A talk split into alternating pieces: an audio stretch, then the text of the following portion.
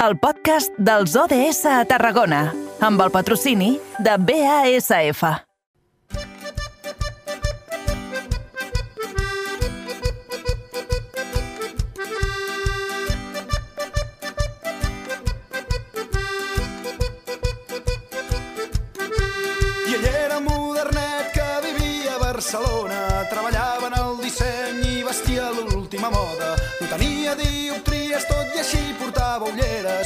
De pasta negra que no estaven graduades. I ell era tan feliç pensant que el món girava al seu voltant, tenia la vida per davant. Totes les noies se'l miraven amb voracitat i ell n'assavoria cada instant. El temps va anar passant i gairebé... Passen gairebé 7 minuts del punt de les 6 de la tarda. Va, que ens aturem de nou als estudis de BXC Ràdio. Allí tenim el nostre company, el Miquel Llevaria. Miquel, bona tarda de nou. Bona tarda de nou, Eduard. T'has recuperat ja després del joc que hem fet amb l'Agnès Todd, ara tot just fa una estoneta? Uh, sí, crec que al final has acabat guanyant tu o no ho sé, ha estat molt no, apretat, és igual. L'important és participar, escolta, fomentar l'ús de la llengua catalana i, és més, parlar bé en eh, català. Eh? Aquest és una dels pilars que tenim en aquesta secció quinzenal, precisament amb la eh, professora de llengua i filòloga eh, Agnès Toda. Eh, ara, però, deixem de banda el eh, català i centrem-nos en els objectius de desenvolupament sostenible, quelcom que fem cada dia en aquesta hora des que vam començar la temporada. Avui ens quedem amb el número 11, el que diu Ciutats i comunitats sostenibles. Així és, perquè al final per tenir una comunitat sostenible una part molt important sempre és tenir una bona gestió dels residus i en aquesta matèria les plantes de compostatge són essencials. Avui ens desplacem fins la comarca de la Conca de Barberà on recentment s'han invertit 3,8 milions d'euros per modernitzar la planta de compostatge del centre de residus que seria, aleshores, la inversió més important des de la seva construcció. I per a conèixer una miqueta millor en què ha consistit tot plegat, doncs tenim amb nosaltres aquí millor que la presidenta del Consell Comarcal de la Conca de Barberà, Carme Pallàs. Molt bona tarda. Hola, molt bona tarda. Per començar, aquesta modernització, que costarà gairebé 4 milions d'euros, en què consistirà així, en resum? Sí, bé, de fet, abans d'explicar una mica el que consisteix aquesta obra, hem de dir que, de fet, hem hagut de fer aquesta obra perquè hi ha una llei que és la llei reguladora de residus, no? que parla d'un tractament previ abans d'arribar a l'abocador. A més a més, com tu molt bé has dit, eh, necessitàvem ampliar aquesta planta de compostatge perquè la teníem al 100% d'ocupació.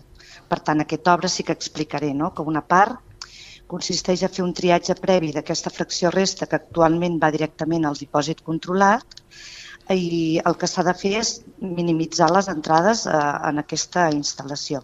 I l'altra part de la millora de les condicions de la planta de compostatge, perquè eh, hi ha hagut un increment, evidentment, de la capacitat d'aquest tractament. Uh -huh. Al final suposo que la idea és reduir quan més sigui millor el fet de que tot, al final moltes coses per peresa s'acaben llançant a resta o perquè no se saben llançar i suposo que al final una de les idees és acabar o reduir tota aquesta quantitat de coses que acaben a resta. Exactament. De fet ja s'ha reduït eh, molt la resta, però la fracció resta, però hem de continuar treballant perquè, perquè així sigui. Uh -huh. I... uh, senyora Pallàs, en tot cas, eh, és positiu que s'hagi de fer, entenc, aquesta inversió en una planta de compostatge perquè vol dir que de mica en mica es van assolint els objectius o els eh, propòsits de la classe eh, política que haurien de ser els propòsits de la societat en general, no? A l'hora de eh, caminar cap a aquest eh, planeta més eh, sostenible, sobretot de cara a les futures generacions? Sí, sí, evidentment haver de fer aquesta obra és una molt bona notícia perquè precisament el que ens diu és que estem en un molt bon nivell i que és cap on han de caminar. És el que comentaves, al final volem un planeta sostenible i una ampliació d'aquesta planta doncs, precisament és perquè tota la comarca, després posteriorment ja ho comentarem, eh, està fent tot, tot aquest reciclatge. Per tant, jo penso que és molt important i és, eh, té molt de valor haver d'ampliar aquesta planta. Uh -huh. I a més ja sou una comarca que esteu al capdavant no? amb tota aquesta matèria de reciclatge, un 80% de les deixalles reciclen i s'ha reduït en un 60% els residus que es llencen a l'abocador. Una miqueta, tot aquest èxit que suposo que heu aconseguit amb, tot, amb tota una sèrie de canvis no? i d'aplicacions que heu portat com un nou sistema de recollida selectiva o contenidors intel·ligents. Una miqueta, al final, aquest èxit, com l'heu aconseguit i què us ha impulsat a anar a buscar-lo? Bueno, ens va impulsar molt el fet de que els darrers 10 anys doncs, la comarca ja ja reciclàvem, eh? el que passa que eh, havíem patit un estancament en el tant per cent de recollida selectiva i això també és normal perquè nosaltres mateixos també ens hem d'anar reciclant i fent pedagogia. Més o menys estàvem al 50%, però no acabàvem d'avançar. Aleshores ens vam plantejar, doncs, eh, a part que les directives europees, evidentment, l'agenda 2030 el que planteja és arribar a un objectiu d'un 65-75%, doncs bé, ens hem haver de d'una mica mm, determinar a, a, a tirar endavant no? un, un tipus de recollida selectiva eh, per tota la comarca. Per tant, tots aquests inputs i fins i tot també l'increment anual del cànon de deposició de residus, de dipòsit controlat, doncs, que també ens afectava, eh, tot plegat ens va fer eh, replantejar un canvi de model de recollida de, de residus municipals. I és per això que vam estar treballant durant molt de temps perquè set municipis poguessin fer la recollida porta a porta i 15 municipis amb contenidors eh, tancats intel·ligents. Evidentment, amb tot aquest procés el que hem aconseguit és passar d'un 50% a una recollida selectiva del 80%. Per tant, està clar que el model eh, ha funcionat. Tot i que tots els canvis costen moltíssim, jo penso que hem d'estar molt orgullosos de que en tan poc temps haguem pogut arribar a aquest 80% de recollida selectiva. Uh -huh. eh, I ara la veritat, sempre jo me pregunto davant d'aquesta gent que encara ara és una miqueta escèptica no, amb tots aquests temes del reciclatge, del canvi climàtic, medi ambient, etc etc, que aquí des de la nostra secció dels ODS sempre intentem portar temes que els puguin fer canviar d'opinió. Eh, quan dieu que l'objectiu és dotar d'aquest espai, amb aquesta millora de la planta de compostatge, eh, de que fins a 6.000 tones anuals de resta puguin ser tractades i després produir 4.900 tones de compostatge anual, amb aquestes persones que, per exemple, podríem tenir davant i ens podrien estar escoltant, que siguin encara una miqueta escèptiques i diguin i això de què em serveix? Doncs responem-los, això com els ajudaria? Com ajuda la Conca de Barberà? Bueno, jo penso que, a veure, al final som una, una conca rural Uh, jo penso que tothom estem mm, més que cansats de sentir que el planeta, la nostra comarca, uh, està en perill, per tant, el que hem d'anar és cap a la sostenibilitat. I un dels objectius, com deien ara de l'Agenda 2030, el que està clar és que ho hem d'aconseguir.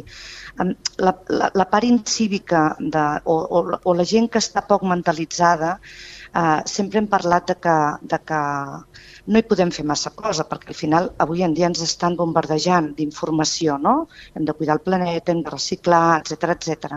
Mm, què podem fer? Eh, doncs anar conscienciant a les persones, fer molta pedagogia, eh, perquè al final tot el que reciclem eh, aquest compostatge es pot utilitzar pels nostres camps perfectament. Per tant, tot això que generem, al final ho transformem per tornar a utilitzar. Mm, jo penso que això és molt important també per la nostra comarca i pel medi ambient de tot el món.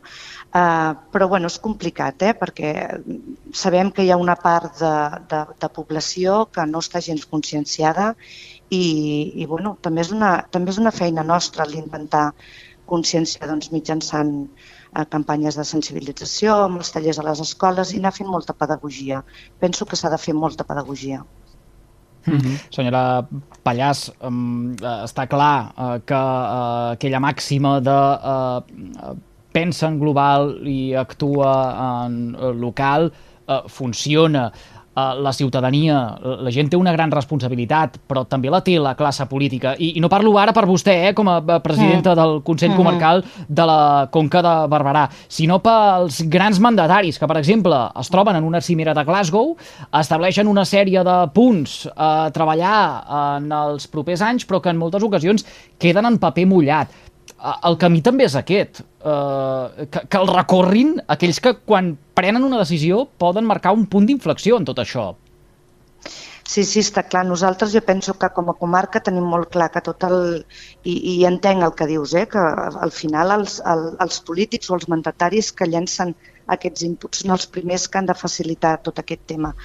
Però jo penso que com a comarca, que és d'on jo puc parlar, i ja no com a presidenta, també he estat consellera i també puc parlar dels anys anteriors, som una comarca que apostem molt, que tenim molt clar que el tema de sostenibilitat és un tema molt important i que al final aquests ODS que s'han marcat en aquesta Agenda 2030, nosaltres com a comarca estem disposats a complir-los. Bé, de fet, aquest és un exemple, perquè el 75% que està marcat en l'ODS actualment ja l'estem complint i estem a l'any 2022. Per tant, eh, penso que també podem presumir una mica de ser eh, comarca de, de referència en aquest aspecte. Uh -huh. uh, L'Edu mateix parlava de tots aquests mandataris, de tota aquesta política molt d'alt nivell, però al final, eh, si passem al món local, eh, com vostè, que treballa com a presidenta del Consell Comarcal de la Conca de Barberà, però que al final hi ha altres entitats, entitats doncs, ecologistes, entitats socials i també els propis ajuntaments. Al final, dintre de tot aquest món local, quin és el paper que juguen? Bé, de fet, evidentment, la col·laboració amb els ajuntaments sempre és importantíssima. De fet, és una de les coses que intentem que hi hagi aquesta col·laboració amb els ajuntaments i aquest trasllat d'informació penso que és molt important. De fet, els ajuntaments de la nostra comarca, de, ja des de l'any 96, eh, ja van traspassar les competències aquestes municipals en matèria de gestió de residus, amb la qual van dipositar en aquell moment doncs, tota aquesta confiança en el, en el Consell Comarcal. Jo penso que va ser allà el punt de partida eh, per iniciar doncs, totes aquestes accions conjuntes i, sobretot, molt important, consensuades, perquè el més important al final és arribar és arribar a, a consensos. Tots amb l'objectiu, i ho hem tingut clar sempre i tenim clar ara, més que mai, amb l'objectiu de millorar i preservar, evidentment, el nostre entorn. De fet, l'any 2004 penso que també hi va haver un acte molt important que va ser crear un organisme de gestió i control de serveis mediambientals.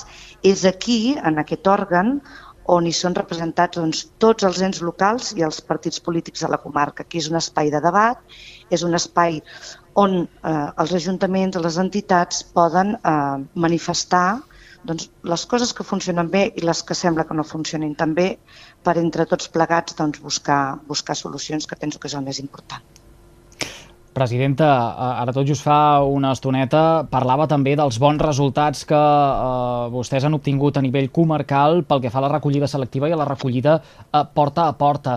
Com és que amb unes xifres que demostren que assoleixen uns eh, índexs que són envejables per moltes altres poblacions d'arreu del Camp de Tarragona, hi ha tantes discussions, per exemple, a l'hora de mancomunar un servei eh, de eh, recollida d'escombraries, de si aquest s'ha de desenvolupar amb uns contenidors contenidors de superfície o bé amb uns dies concrets en què eh, cada ciutadà deixa a la porta de casa seva eh, un cubell de la brossa determinat?